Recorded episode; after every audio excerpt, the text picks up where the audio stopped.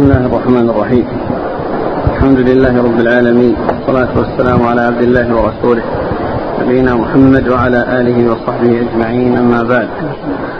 قال الإمام الحافظ أبو عيسى الترمذي رحمه الله تعالى قال في جامعه في كتاب المناقب باب مناقب معاذ بن جبل وزيد بن ثابت وأبي وأبي عبيدة بن الجراح رضي الله عنهم.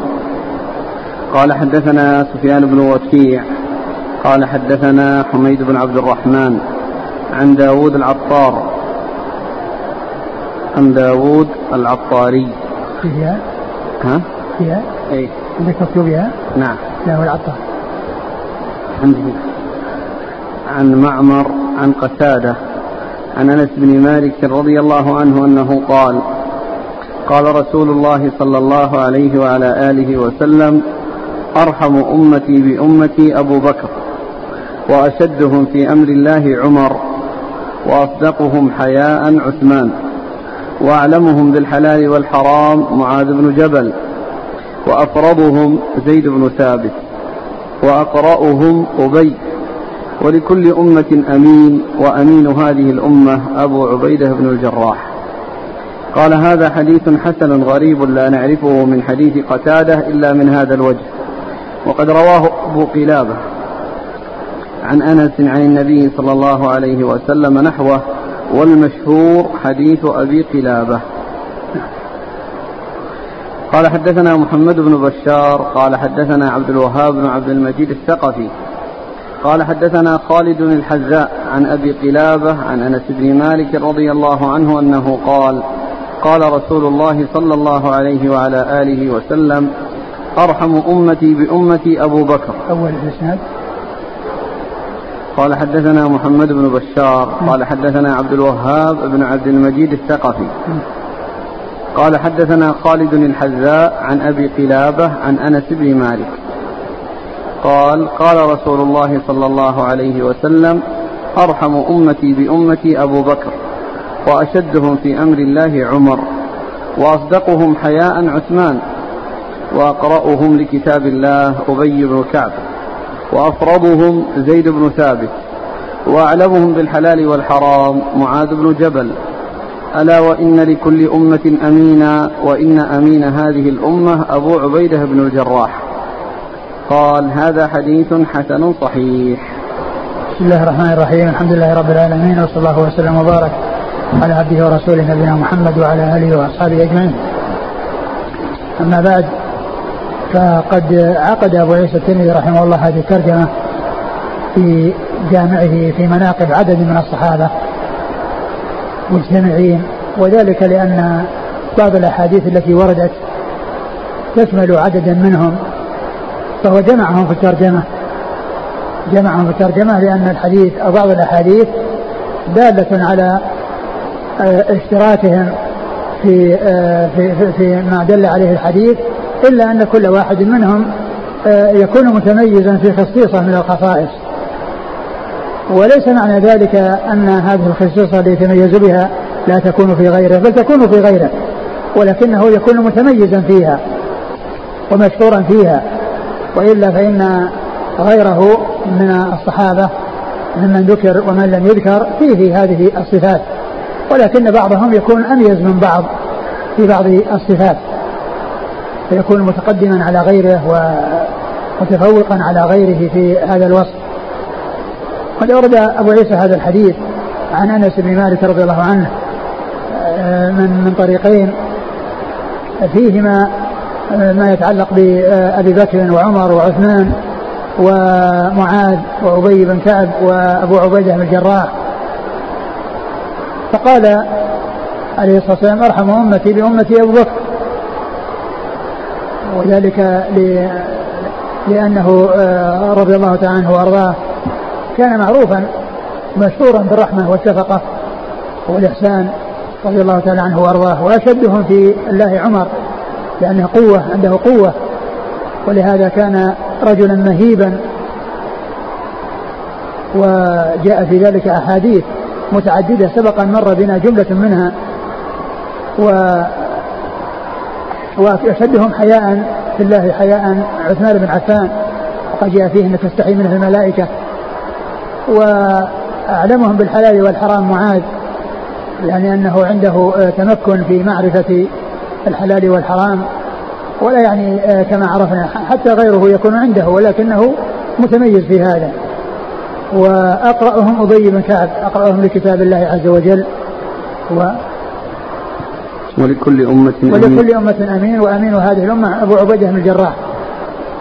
و وسبق أن مر الحديث في في مناقب أبي عبيدة بن الجراح رضي الله عنه وأنه متصف بهذا الوصف وغيره كثيرون والصحابة الآخرون متصفون بكونهم أهل أمانة ولكنه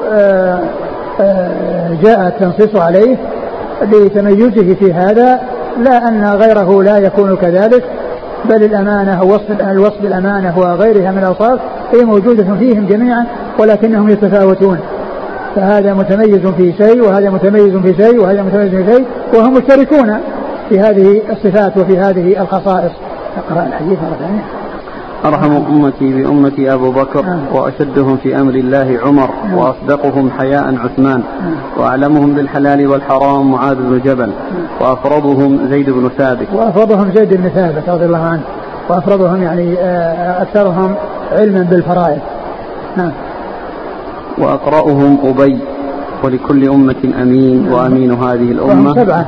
يعني جاءوا في هذين الحديثين. عن أنس من طريقين والطريق الثاني آه، رجاله ثقات والطريق الأول فيه من هو متكلم فيه لكن هو بمعنى الحديث الذي بعده فكل منهما آه، ثابت عن رسول الله عليه الصلاة والسلام آه، لأن أحدهما يدل على ما دل عليه الآخر. نعم. قال حدثنا سفيان بن وكيع. هو صدوق ابتلي بوراق أدخل عليه ما ليس من حديثه ونصح فلم يوافق. على النصيحة ولم يقل النصيحة فرد حديثه. وأخرج حديثه. تلميذ ابن ماجه. نعم. عن حميد بن عبد الرحمن. وهو الرؤاسي وهو ثقة أخرج له. أصحاب الكتب. نعم. عن داود العطار وهو؟ ثقة أخرج أصحاب الكتب. نعم. عن معمر. ابن راشد ثقة أخرج أصحاب الكتب. عن قتادة. قتادة بن دعامة السدوسي البصري ثقة أخرج أصحاب الكتب. عن أنس بن مالك. رضي الله عنه خادم الرسول عليه الصلاة والسلام.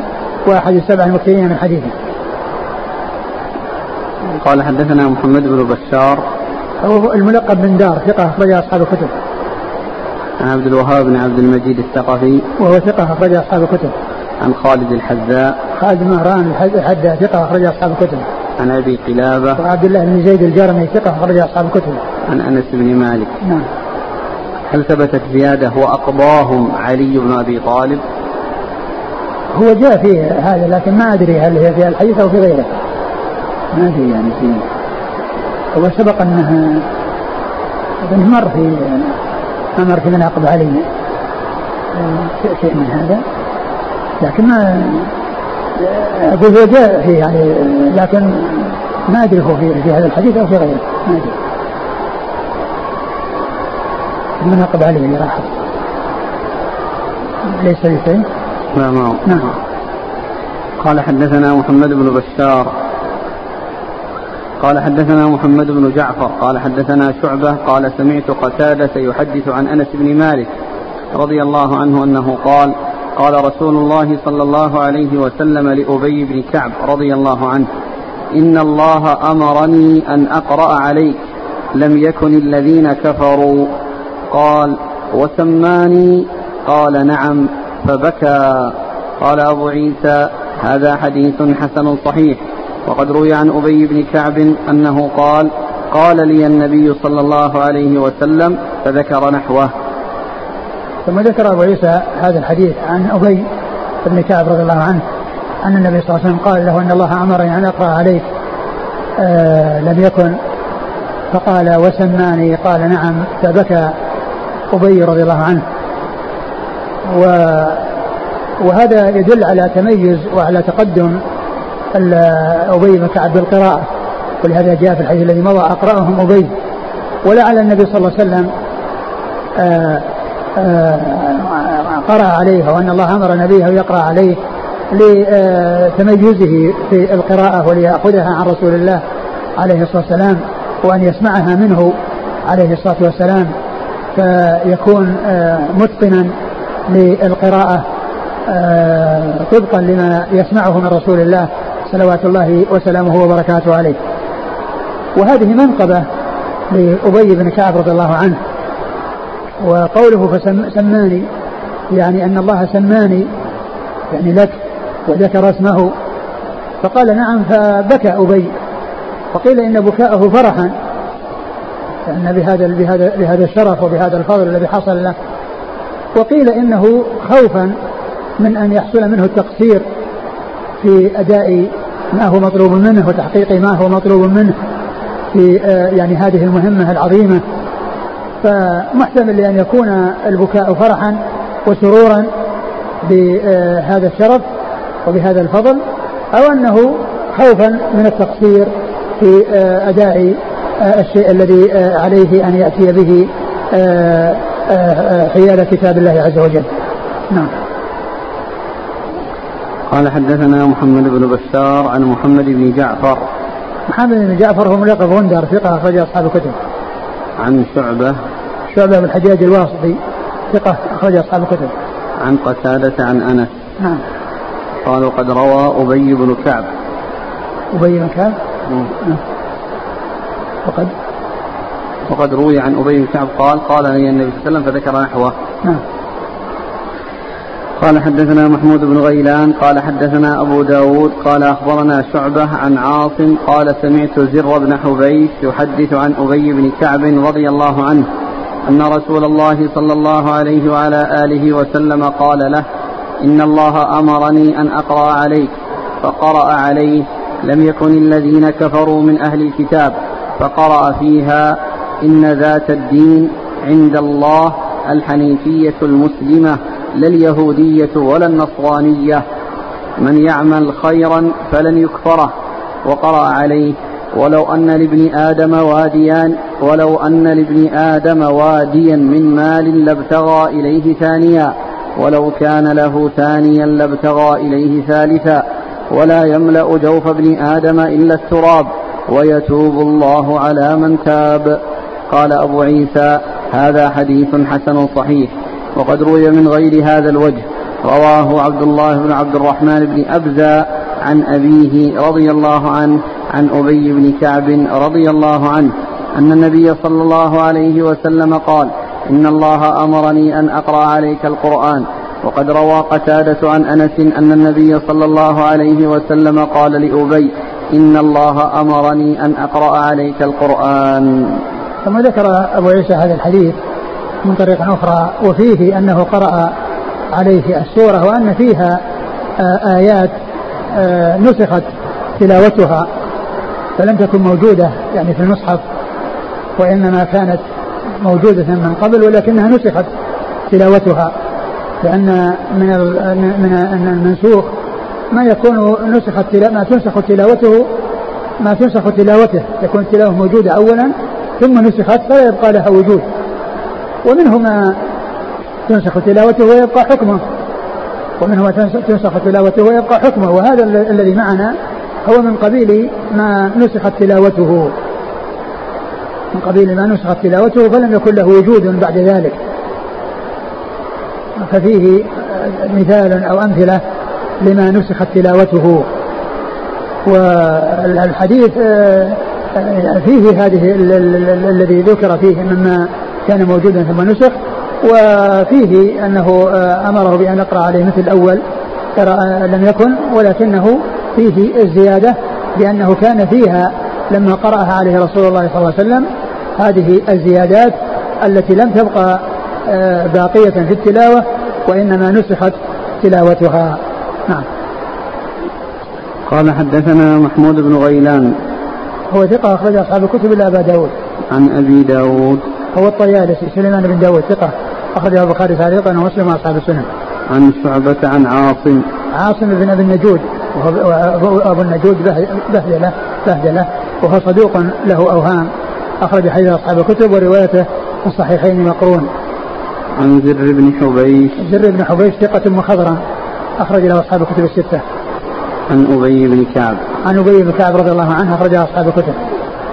رواه عبد الله بن عبد الرحمن بن أبزة. وهو مقبول. مقبول نعم أخرج البخاري تعليقا وأبو داود والنسائي. نعم. عن أبيه. أخرج له. أصحاب الكتب عن أبي. نعم. هذا يعني سقط من نسخة الشارح. ولا طيب. نذكر في موطن آخر. نعم. أقول هذا الحديث سقط من نسخة الشارح ولا له مكان آخر عند المبارك فوري؟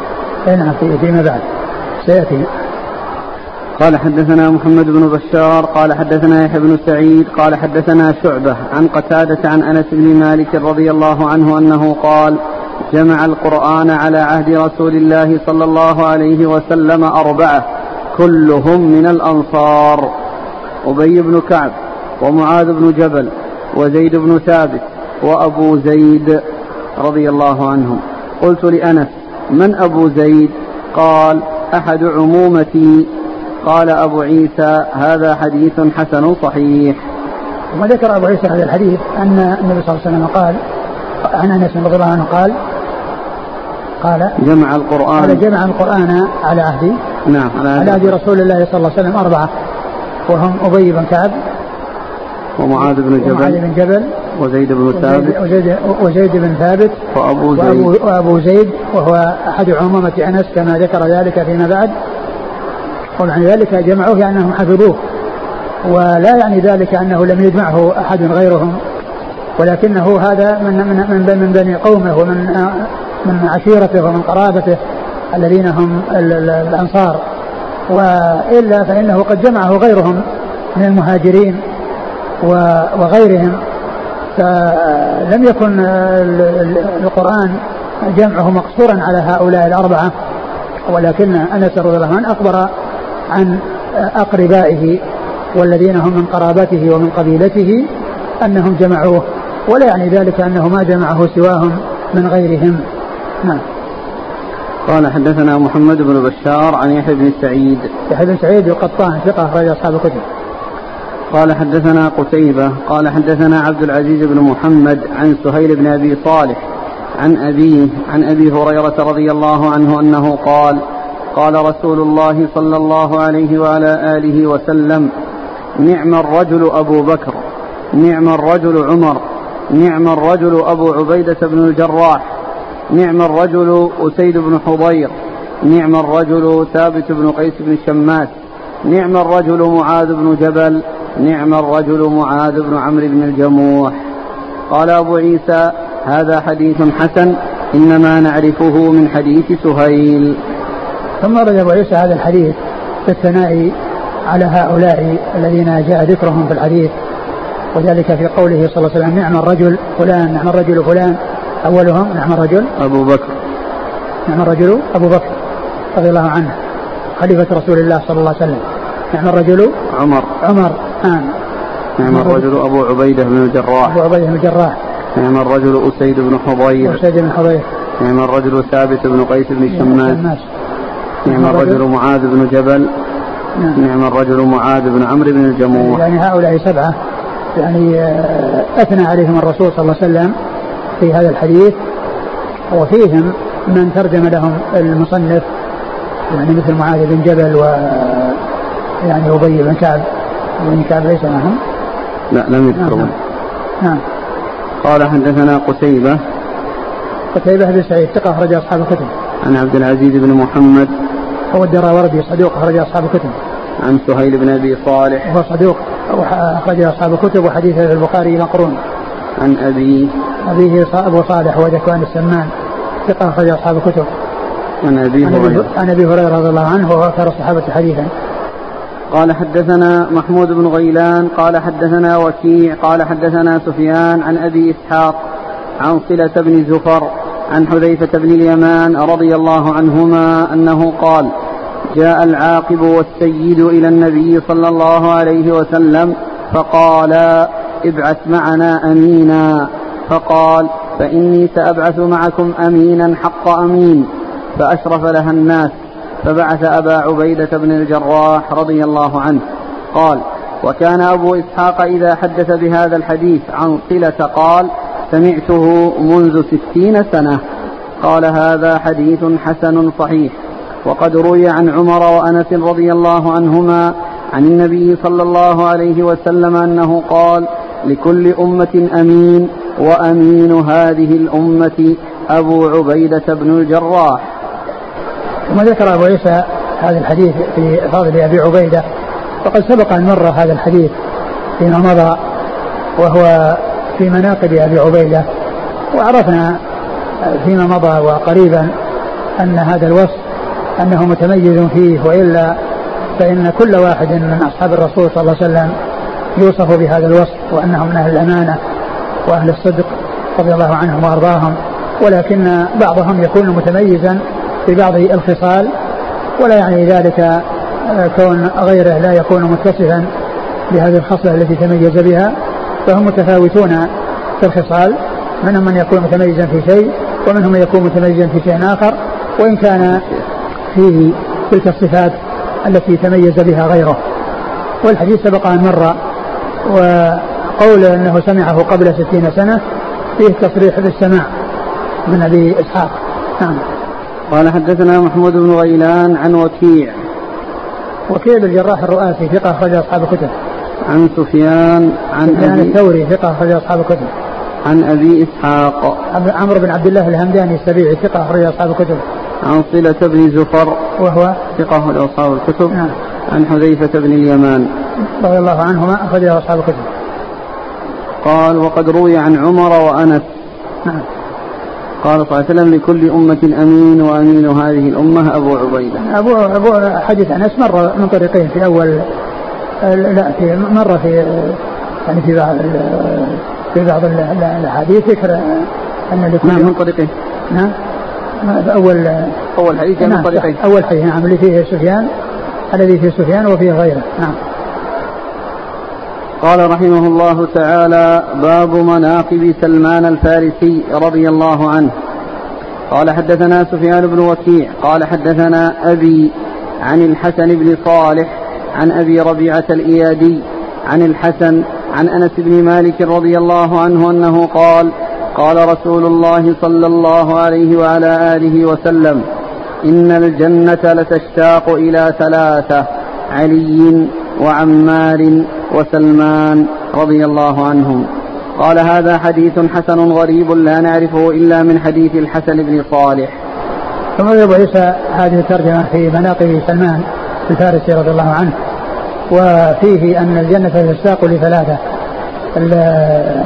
لعلي وعمار وعمار وسلمان علي وعمار وسلمان رضي الله عنهم وعن الصحابة أجمعين.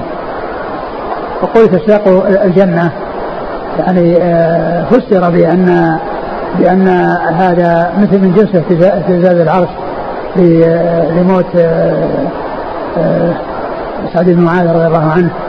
وقيل إن من فيها من الحور أنه يشتاق يعني إليهم. والحديث في إسناده آه، الحسن وهو مدلس وروى بالعنعنة وفيه أبو ربيعة آه، الايادي نعم. أبو ربيعة الايادي وفيه كلام. نعم. قال حدثنا سفيان بن وكيع. وفيه أيضا سفيان بن وكيع. نعم. عن أبيه عن الحسن بن صالح. وهو؟ ثقة أخرج البخاري المفرد ومسلم وأصحاب السنن. نعم. عن أبي ربيعة الإيادي نعم وهو؟ مقبول أخرج أبو داود والترمذي وابن ماجه. نعم. عن الحسن. حسن بن أبي الحسن البصري ثقة أخرج أصحاب الكتب. عن أنس بن مالك. نعم. لكن سبق أن مر الحديث في في تفسير سورة الجمعة كتاب التفسير الذي فيه عند قوله آخرين منهم من يلحقوا بهم سئل من هم؟ فكان كان سلمان موجود فوضع يده على كتفه وقال أمثال هذا أو قوم هذا. هذا من مناقبه الثابتة عن رسول الله عليه الصلاة والسلام. وأما هذا الحديث ففيه هذا الضعف من الجهات الثلاث. من جهة عنعنة الحسن ومن جهة سفيان بن وكيع ومن جهة أبو ربيعة الإيادي الذي هو مقبول ولم يتابع. نعم. قال رحمه الله تعالى باب مناقب عمار بن ياسر رضي الله عنه. قال حدثنا محمد بن بشار قال حدثنا سفيان. هذا في عبد الرحمن بن مهدي. قال, قال حدثنا محمد بن بشار قال أخبرنا عبد الرحمن بن مهدي. قال حدثنا سفيان عن أبي إسحاق عن هانئ بن هانئ عن علي رضي الله عنه أنه قال جاء عمار رضي الله عنه يستأذن على النبي صلى الله عليه وسلم فقال ائذنوا له مرحبا بالطيب المطيب. قال هذا حديث حسن صحيح. ثم ورد ابو عيسى مناقب عمار بن ياسر رضي الله عنه. وورد هذا الحديث عن عن عن علي علي, علي رضي الله عنه أن عمار رضي الله عنه جاء يستاذن على النبي صلى الله عليه وسلم فقال مرحبا بالطيب المطيب. ومرحبا هذه كلمة آه ترحيب يعني بمن قدم وهي آه فيها آه إظهار السرور والبشر والمحبة لأنها مأخوذة من الرحب وهي السعة. والرسول صلى الله عليه وسلم كان يستعملها يعني آه، في مخاطبة في آه، في المخاطبة في بعض الأحاديث مثل ما جاء في وفد عبد القيس مرحبا بالقوم مرحبا بالقوم غير خزايا. وكذلك قالها الرسول صلى الله عليه وسلم في أحاديث عديدة. قال بالطيب المطيب يعني الطيب آه، في يعني قيل إنه الطاهر المطهر وأنه أنه حصل له أصل وزيد على ذلك يعني أنه حصل له الطيب وأنه زيد أنه طيب فصار طيبا مطيبا يعني حصل له الوصفان. آه شفت على الشارع فيه؟ في تفسيره. آه والمراد بالطيب بالطيب المطيب الطاهر المطهر وفيه مبالغة كظل ظليل. نعم. وقال في اللمعات لعله إشارة إلى أن جوهر ذاته طاهر طيب ثم طيبه وهذبه الشرائع والعمل بها فصار نورا على نور. نعم والحديث في إسناده هانئ هانئ بن هانئ وقد مر يعني فيما مضى في حديث سبق إنه مقبول أو ضعيف. مستور. مستور نعم اللي هو مجهول مجهول الحال. لأن كلمة مستور هي بمعنى مجهول الحال. ففي إسناده هانئ بن هانئ. قال حدثنا محمد بن بشار عن عبد الرحمن بن مهدي. وهو ثقة أخرج أصحاب الكتب. عن سفيان عن أبي إسحاق عن هانئ بن هانئ. وهو مستور أخرج له. وقال هذا المفرد وأصحاب السنن نعم. عن علي. علي بن أبي طالب أمير المؤمنين ورابع الخلفاء الراشدين الهادي المهديين صاحب المناقب الجمة والفضائل الكثيرة وحديثه عند أصحاب الكتب الستة. قال حدثنا القاسم بن دينار الكوفي قال حدثنا عبيد الله بن موسى عن عبد العزيز بن سياه كوفي عن حبيب بن أبي ثابت عن عطاء بن يسار عن عائشة رضي الله عنها أنها قالت قال رسول الله صلى الله عليه وسلم ما خير عمار بين أمرين إلا اختار أسدهما. أرشدهما في النسخ الأخرى وتحوة الأشراف أرشدهما. اللي اختار أرشدهما قال هذا حديث حسن غريب لا نعرفه من هذا الوجه من حديث عبد العزيز بن سياه وهو شيخ كوفي. وقد روى عنه الناس. له ابن يقال له يزيد بن عبد العزيز. روى عنه يحيى بن آدم. هو من ساق وهو ثقة. هذا من الأخرى. ابنه هو ثقة وهو ثقة. يعني في النسخ الأخرى له ابن يقال له يزيد بن عبد العزيز ثقة. نعم. روى عنه يحيى بن آدم. نعم انتهى. قال حدثنا محمود بن غيلان. قال حدثنا وكيع. قال حدثنا سفيان. عن عبد الملك بن عمير عن هلال مولى ربعي. عن ربعي عن حذيفة رضي الله عنه. عن النبي صلى الله عليه وسلم نحوه. وقد روى سالم المرادي. الكوفي عن ربعي بن حراش عن حذيفة عن النبي صلى الله عليه وسلم نحو هذا. هنا في سقط يعني هنا في هذه النسخة. موجود في النسخ الأخرى قبل كلمة نحوه اللي في الإسناد الثاني. يعني هذا حديث آخر. سقط المتن ويعني وبقي الإسناد. و قال حدثنا محمود بن غيلان قال أخبرنا وكيع قال أخبرنا سفيان عن عبد الملك بن عمير عن مولى لربعي عن ربعي بن حراش عن حذيفة رضي الله عنه أنه قال كنا جلوسا عند النبي صلى الله عليه وسلم فقال إني لا أدري ما قدر بقائي فيكم فاقتدوا بالذين من بعدي. وأشار إلى أبي بكر وعمر. واهتدوا بهدي عمار وما حدثكم ابن مسعود فصدقوه. قال هذا حديث حسن. وروى إبراهيم بن سعد هذا الحديث عن سفيان الثوري عن عبد الملك بن عمير عن هلال مولى ربعي عن ربعي عن حذيفة عن النبي صلى الله عليه وسلم نحوه. وقد روى كلمة نحوه. هذه هي اللي كانت يعني في الأول. نحوه. يعني لأن هذا محلها لأنها ترجع لهذا الحديث السابق ولا ترجع للحديث الأول ذاك الذي مضى. لأن كلمة نحوه بالنسخة ترجع للحديث لحديث آخر وهي إنما ترجع لهذا الحديث الساقط آه نعم. يعني هذا موجود في ساقط من هذه النسخة الحديث المتن يعني سقط يعني بقي إسناده وسقط متنه. نقرأ الحديث الأول الأول الذي راح الذي الذي هو مستقل الذي هو مستقل ولا علاقة له بهذا الذي جاء بعده. نعم. عن عائشة رضي الله عنها قالت قال رسول الله صلى الله عليه وسلم ما خير عمار بين أمرين إلا اختار أرشدهما. وأورد أبو عيسى هذا الحديث في مناقب عمار. وهو أن عمار رضي الله عنه ما خير بين أمرين إلا اختار أرشدهما. يعني أرشدهما الذي هو رشد وصواب ويسر و وتيسير وتخفيف. ما ما خجر بين أمرين إلا اختار أرشدهما. وذكر الشارح أن في بعض النسخ أشدهما أشدهما. ولا أدري هذه النسخة التي معنا هل هي يعني هل هي التي كلمه أشدهما أنها سقطت منها الشين أو أنها أو أنه خطأ وأن الصواب هو ما جاء في النسخ الأخرى وفتحه الأشراف الذي هو أرشدهما؟ وقال الشارح آه إن ذكر رواية شدهما أن هذا فيما يتعلق بنفسه وشخصه فإنه يحتاط وأنه يعني يختار الذي فيه شدة. وأما فيما يتعلق بغيره فإنه يختار الأرشد. الذي هو الأصوب وال, وال يعني والاسهل والأخف. نعم. قال حدثنا القاسم بن دينار الكوفي. هو ثقة أخرج له مسلم والترمذي والنسائي وابن ماجه. نعم. عن عبيد الله بن موسى. ثقة أخرج أصحاب الكتب. عن عبد العزيز بن تياه. وهو صدوق أخرج له أصحاب الكتب إلا أبا داود. نعم.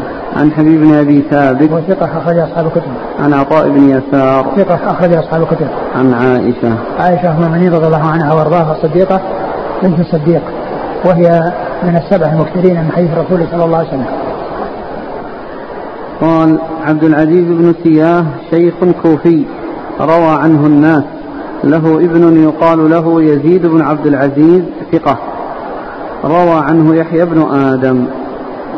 وش قال من؟ في ابنه.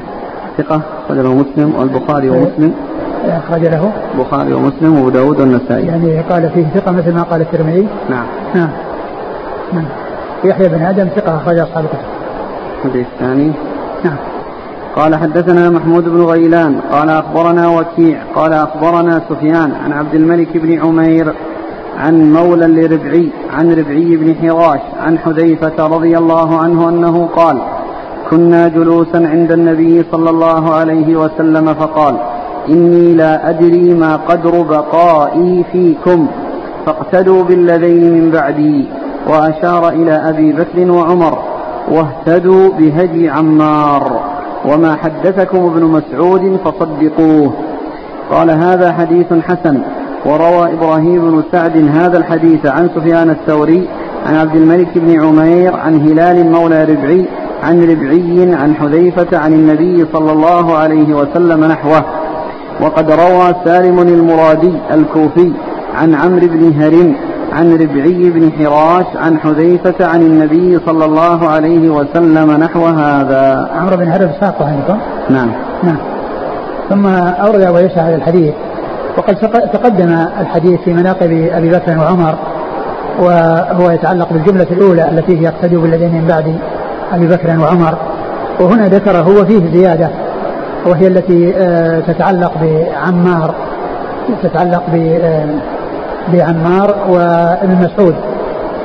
وقال الترجمة في باب مناقب عمار فقط. مناقب عمار نعم.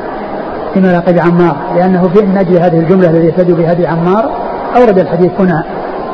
وسبق أن مر قوله صلى الله عليه وسلم اقتدوا بالذين من بعد أبي بكر وعمر وأن هذا دال على فضلهما رضي الله عنهما وأنهما اللذان يليان الأمر من بعده. في آه وأنه يقتدى بهم. وهذا من جنس قوله صلى الله عليه وسلم فعليكم بسنتي وسنة الخلفاء الراشدين المهديين من بعدي تمسكوا بها وعضوا عليها بالنواجذ وإياكم محدثات الأمور فإن كل محدثة بدعة وكل بدعة ضلالة. واقتدوا وخذوا وخذوا بهدي عمار. واهتدوا واهتدوا بهدي عمار. الهدي هو السمت. السمت والعمل يعني و وما حدثكم مسعود فصدقوه. يعني ما حدث به عن رسول الله صلى الله عليه وسلم وما أخبر به من أخبار فإنها تصدق. ومعلوم أن أصحاب الرسول صلى الله عليه وسلم فيهم الكثيرون الذين يعني آه، يؤخذ بهديهم وسمتهم وكذلك أيضا هم مصدقون بما يحدثون به عن رسول الله عليه الصلاة والسلام. لكن مثل ما تقدم أن أن أن كل واحد يكون له تميز في شيء وغيره يكون مشاركا له فيه. آه. قال حدثنا محمود بن غيلان عن وكيع عن سفيان عن عبد الملك بن عمير. ثقة أخرج أصحاب الكتب. عن هلال مولى لربعي. ما هلال وهو, وهو مقبول. أخرجه الترمذي بن ماجه. نعم. عن ربعي. ربعي بن حراش ثقة أخرج أصحاب الكتب. عن حذيفة. حذيفة بن اليمان رضي الله عنهما أخرجه أصحاب الكتب. وروى إبراهيم بن سعد. إبراهيم بن سعد إيش كان فيه؟ ثقة أخرجه أصحاب نعم. الكتب. نعم. عن سفيان الثوري عن عبد الملك بن عمير. نعم. نفس الإسناد. قال وقد روى سالم المرادي. نعم. مقبول. نعم. وجر الترمذي. عن عمرو بن هرم. وهو؟ ثقة البخاري تعليقا ومسلم والترمذي والنسائي بن ماجه. نعم. عن ربعي بن حراش عن حذيفة. نعم. قال حدثنا أبو مصعب المدني قال حدثنا عبد العزيز بن محمد عن العلاء بن عبد الرحمن عن أبيه عن أبي هريرة رضي الله عنه أنه قال قال رسول الله صلى الله عليه وسلم أبشر عمار تقتلك الفئة الباغية. قال أبو عيسى وفي الباب عن أم سلمة وعبد الله بن عمرو وأبي اليسر وحذيفة رضي الله عنهم. قال وهذا حديث حسن صحيح غريب من حديث العلاء بن عبد الرحمن. ثم روى أبو عيسى هذا الحديث عن أبي هريرة رضي الله عنه في كون عمار رضي الله عنه تقتله الباغية. وكان عمار رضي الله عنه قتل بصفين وكان مع جيش علي رضي الله عنه. عندما تقابلوا مع الجيش الذي جاء من الشام وقتل في تلك الوقعة وتحقق ما أخبر به الرسول صلى الله عليه وسلم من قتله يعني في آه، في ذلك الوقت. و وقد قال آه، أهل العلم أن أن الذي حصل بين علي ومعاوية رضي الله تعالى عنهما كل واحد منهم اجتهد وأداه اجتهاده إلى ما انتهى إليه. فعلي رضي الله عنه رأى أنه هو الخليفة الذي يجب آه، السمع والطاعة له. ويسلم الأمر له. ومعاوية رضي الله عنه رأى أن أنه يبدأ أولا بقتل القتلة الذين قتلوا عثمان رضي الله عنه وكانوا موجودين في جيش علي. وعلي رضي الله عنه أراد أن يستقر الأمر له وأن تتوحد الكلمة ثم بعد ذلك يصير إلى العمل على تنفيذ يعني هذا الشيء الذي يتعلق بعثمان رضي الله عنه وأرضاه. آه، ولا وكل وقف عند رأيه وحصل ما حصل. وكل من, من منهم مجتهد والمجتهد المصيب له أجران والمجتهد المخطئ له أجر واحد وخطأه مغفور. وكلهم رضي الله عنهم وأرضاهم يجب أن يوقروا وأن يحترموا وألا يتكلم في أحد منهم بسوء. وعلي رضي الله عنه لا شك أنه هو الأولى بالحق كما جاء في الحديث في الحديث الصحيح. أنه تمرق مارقة على حين على حين آه على حين آه آه، فرقة من المسلمين تقتلهم أولى الطائفتين بالحق. تقتلهم أولى الطائفتين بالحق. والذين والذي قتل الخوارج الذين أخبر عنه الرسول صلى الله عليه وسلم هو علي رضي الله عنه وأرضاه. ومعاوية رضي الله عنه رأى رأيا ووقف عنده وحصل ما حصل والواجب هو الترحم على الجميع والترضي عن الجميع. وكما قال شارح الطحاوية آه، رحمه الله قال والفتن التي كانت في أيامه أي في أيام أمير المؤمنين علي قد صان الله منها أيدينا فنسأله أن يصون منها ألسنتنا لأن ما كنا في زمانهم حتى يكون أيدينا لها متاركة ما بقي عندنا إلا الألسنة.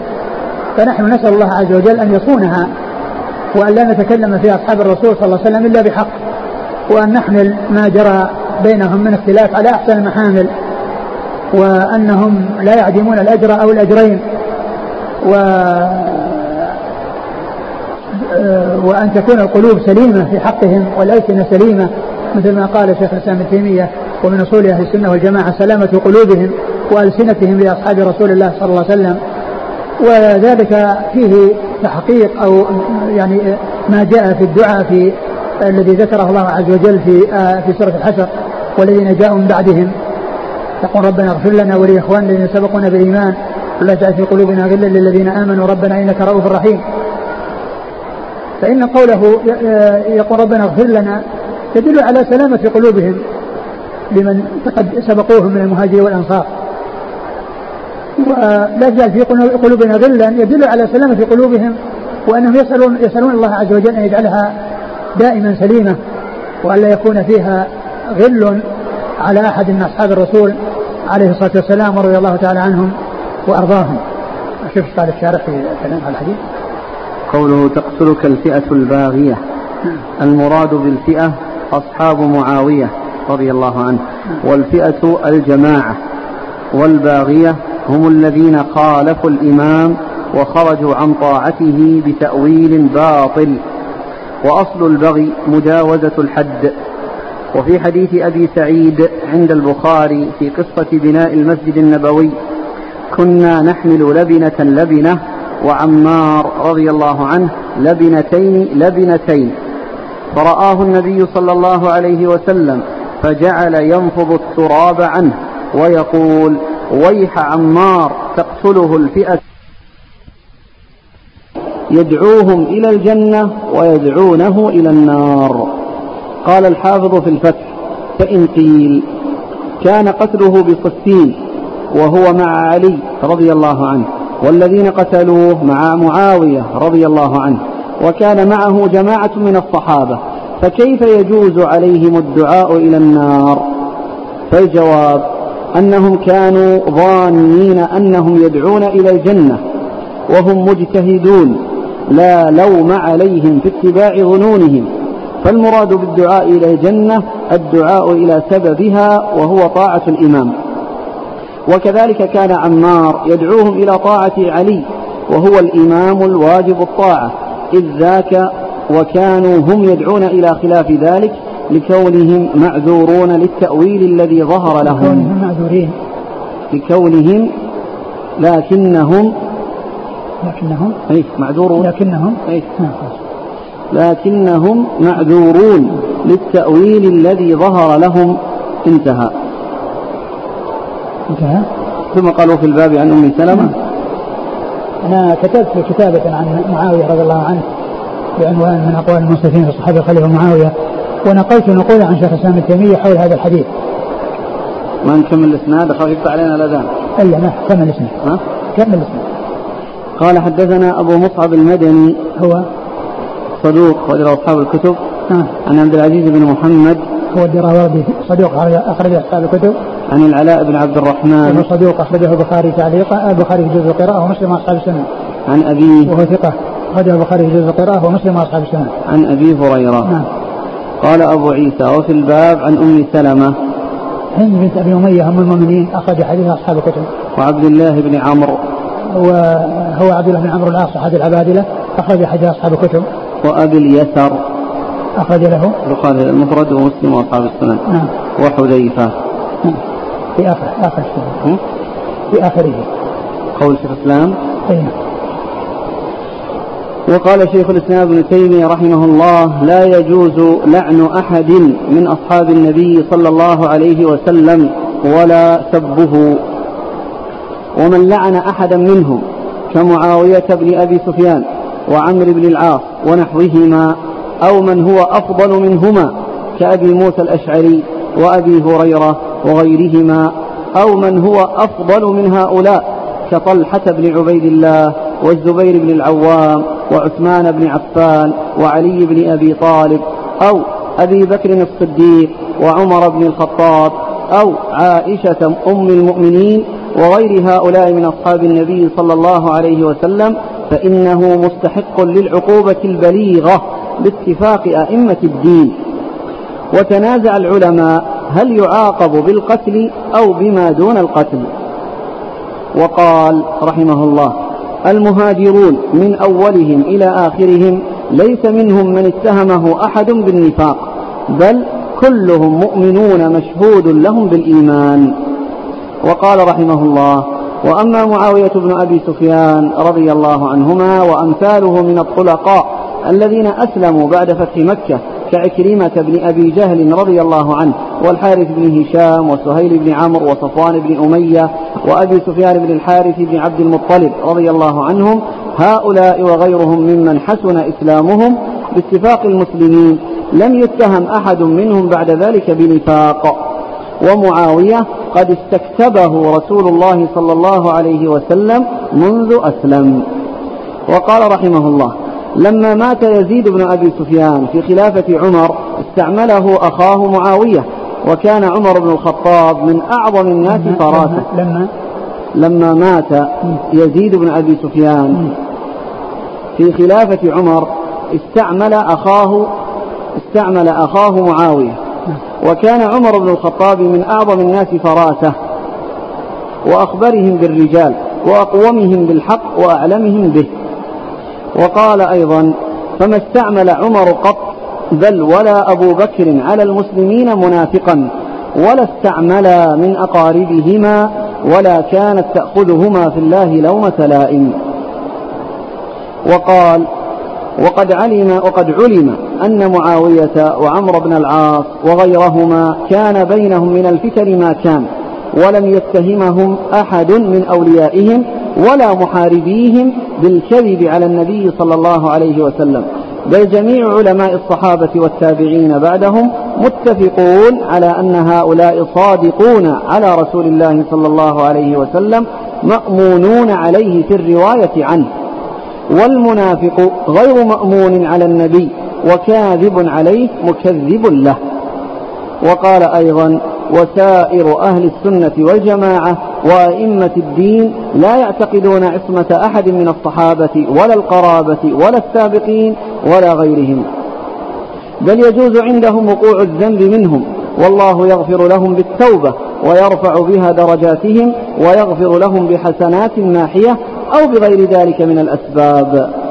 وقال أيضا وهذا في الذنوب المحققة وأما ما اجتهدوا فيه فتارة يصيبون وتارة يخطئون فإذا اجتهدوا فأصابوا فلهم أجران وإذا اجتهدوا فأخطأوا فلهم أجر على اجتهادهم وخطأهم مغفور.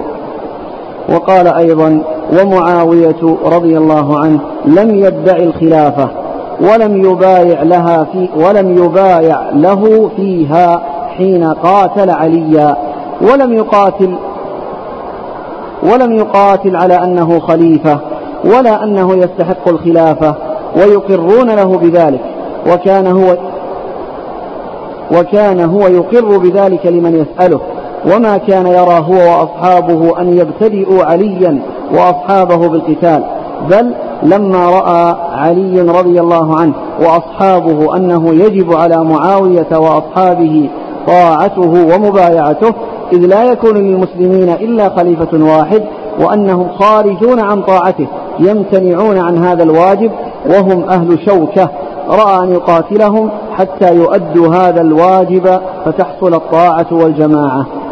وقال معاوية وأصحابه إن ذلك لا يجب عليهم وأنهم إذا قوتلوا كانوا مظلومين. قالوا لأن عثمان قتل مظلوما باتفاق المسلمين وقتلته في عسكر علي وهم غالبون لهم شوكة.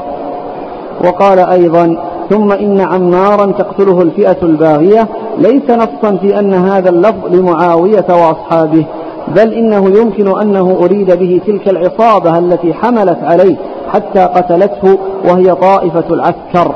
ومن رضي بقتل عمار كان حكمه حكمها.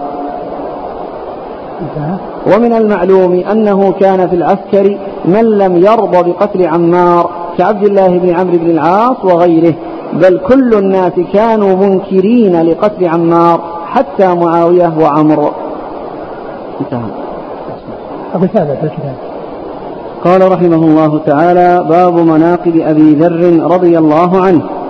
قال حدثنا محمود بن غيلان قال حدثنا ابن نمير عن الأعمش عن عثمان بن عمير هو أبو اليقظان عن أبي حرب بن الأسود الديلي عن عبد الله بن عمرو رضي الله عنهما أنه قال سمعت رسول الله صلى الله عليه وعلى آله وسلم يقول ما أضلت الخضراء ولا أقلت الغبراء أصدق من أبي ذر.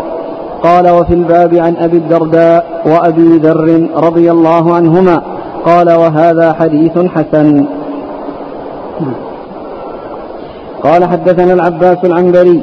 قال حدثنا النضر بن محمد.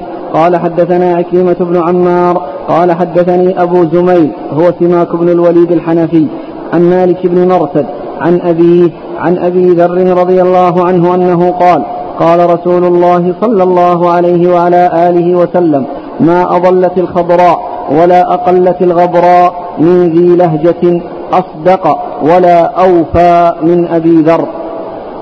شبه عيسى بن مريم عليه السلام. فقال عمر بن الخطاب رضي الله عنه كالحاسد يا رسول الله أفنعرف ذلك له؟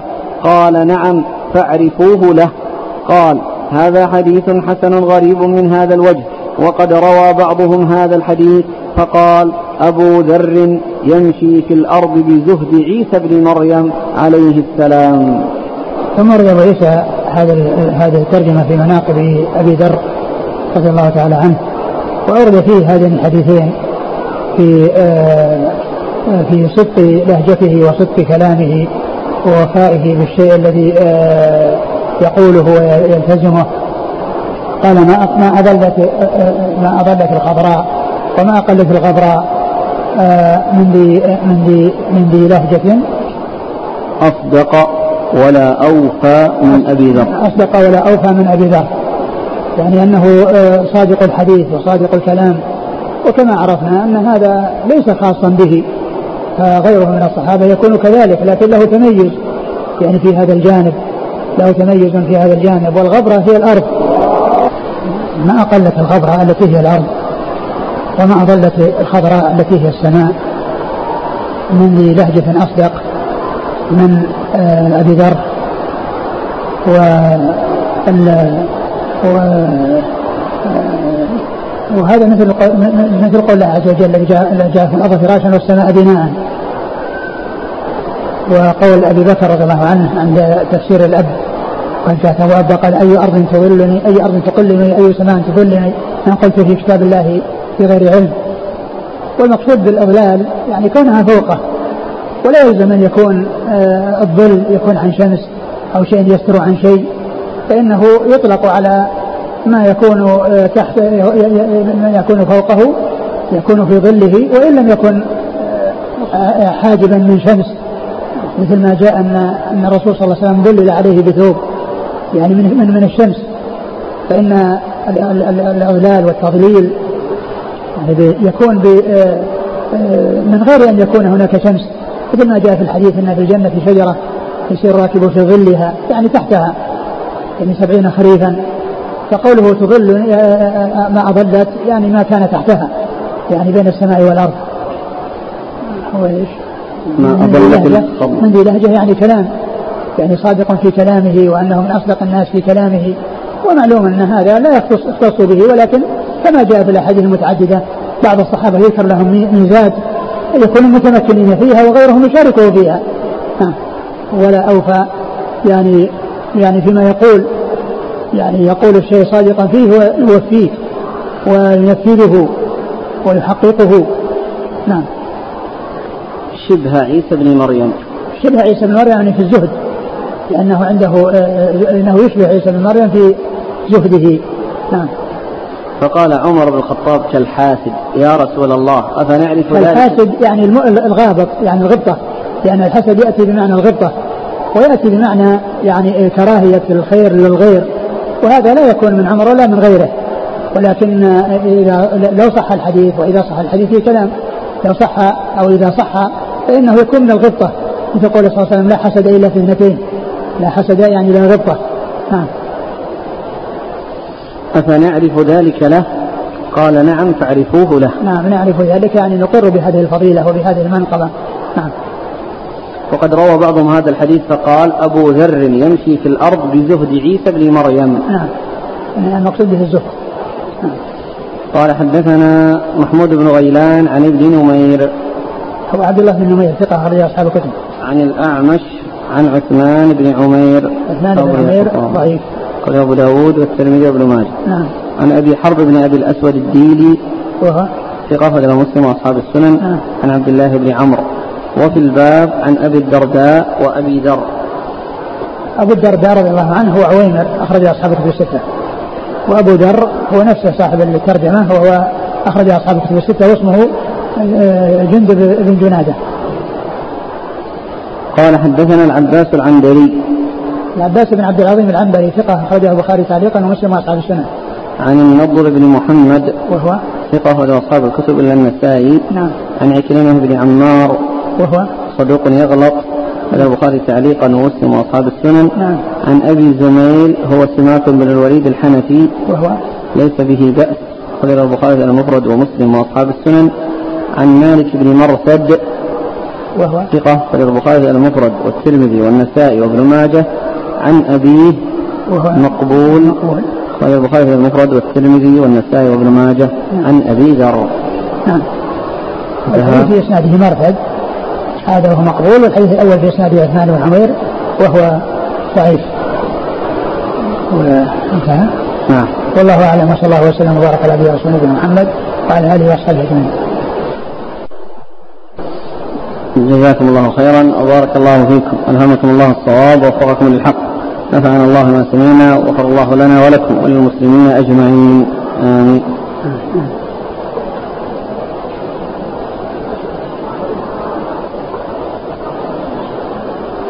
هذه إفادة من الإخوة.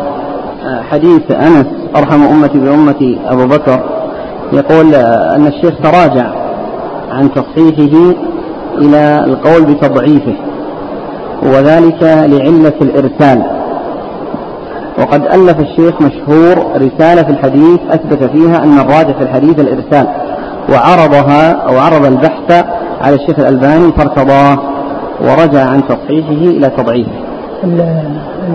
إيش حديث أنس أرحم أمتي بأمتي من الذي من الذي يروي عن أنس؟ في عندنا راوي. في قتادة فيه أبو أبو قلابة. نعم. وفي قتادة. الإسناد الأول قتادة عن أنس. والإسناد الثاني أبو قلابة عن أنس. هذا الحديث آه، ذكره الحافظ بن حجر في الفتح. نعم. وقال آه، قال العلماء له علة غريبة. نعم. أوله مرسل وآخره متصل. أوله مرسل؟ أي يعني هذه الجمل الأولى مرسلة رواها أبو قلابة عن النبي صلى الله عليه وسلم. أرحم أمتي بأمتي أبو بكر وأشدهم في دين الله عمر. إلى أن وصل و... ليس بذكر أنس بذكر بذكر أنس نعم. ها. ثم لما يصل إلى أبي عبيدة يقول وحدثني أنس. قال رسول الله صلى الله عليه وسلم ألا وإن لكل أمة أمين وأمين هذه الأمة أبو عبيدة. ويسمىها علة غريبة يعني. نعم. أولها مرسل نعم. وآخره. صحيح. كما أن الحديث إن الجنة تشتاق إلى ثلاثة. آه، الشيخ كذلك قد ضعف إسناده. قال في هداية هداية الرواة في تخريج حديث المصالح المشكاة نعم. قال الألباني إسناده ضعيف وإن حسنه الترمذي فإن فيه الحسن وقد عنعنه. نعم. وأبو ربيعة قال أبو حاتم منكر الحديث واتقى ابن معين. ثم قال نعم للحديث طريق أخرى عن أنس. يتقوى بها الحديث. وهذا في هداية الرواة. وفي سلسلة هذه الضعيفة 2328 قال الألباني حسن بمجموع الطريقين. بس الطريقة الثانية ما أدري نعم لم يذكر. إيش هذا؟ نعم. من الجنة تشتاق إلى ثلاث. نعم. يسأل هذا الأخ يقول هل المنسوخ لكن, لكن, لكن الآن هل الموجود الآن في الإسناد عند الترمذي؟ يعني آه، فيه فيه قتادة عن أنس؟ عندنا اسنادين نعم وفي الإسناد الثاني أبو قلابه عن أنس. أبو قلابه عن أنس. يعني هذا الآن في هذا الإسناد يعني كل منهما يروي كل منهما يروي عن عن, عن أنس. كل منهما يروي عن أنس. تعلمون قضية العلل يعني الوهم حصل حصل في وهم. لا بس ما أدري هل هل يعني يقصد به يعني اسناد آخر؟ يعني لأن الآن اللي ذكر اللي في أوله مرسل وآخره متصل وآخره متصل. يعني أي أي من الذي خرج رواه في هذا في هذا اللفظ؟ هو بحث الشيخ مشهور الرسالة هذه. قد جمع طرق الحديث بكاملها. بحث مطبوع. نعم. هو آه، اقرأ الحديث مثلا. الحديث الأول الإسناد الأول. أرحم أمتي معناها هو؟ بن وكيع. لا مثل مثل أرحم أمتي بأمتي أبو بكر. وأشدهم في أمر الله عمر. وأصدقهم حياء عثمان. وأعلمهم بالحلال والحرام معاذ بن جبل. وأفرضهم زيد بن ثابت. وأقرأهم أبي. ولكل أمة أمين. وأمين هذه الأمة أبو عبيدة بن الجراح. نعم بس فيه بعضهم يعني كما جاء جاء في أحاديث في غير هذا بالنسبة لأبي عبيدة وبالنسبة لعثمان يعني من ناحية الحياة وأبو بكر من ناحية الرحمة والشفقة والسهولة واللين وعمر في القوة والشدة كل هذا معاني صحيحة. وعوبي كذلك أقرأهم وهم بينهم موجود يعني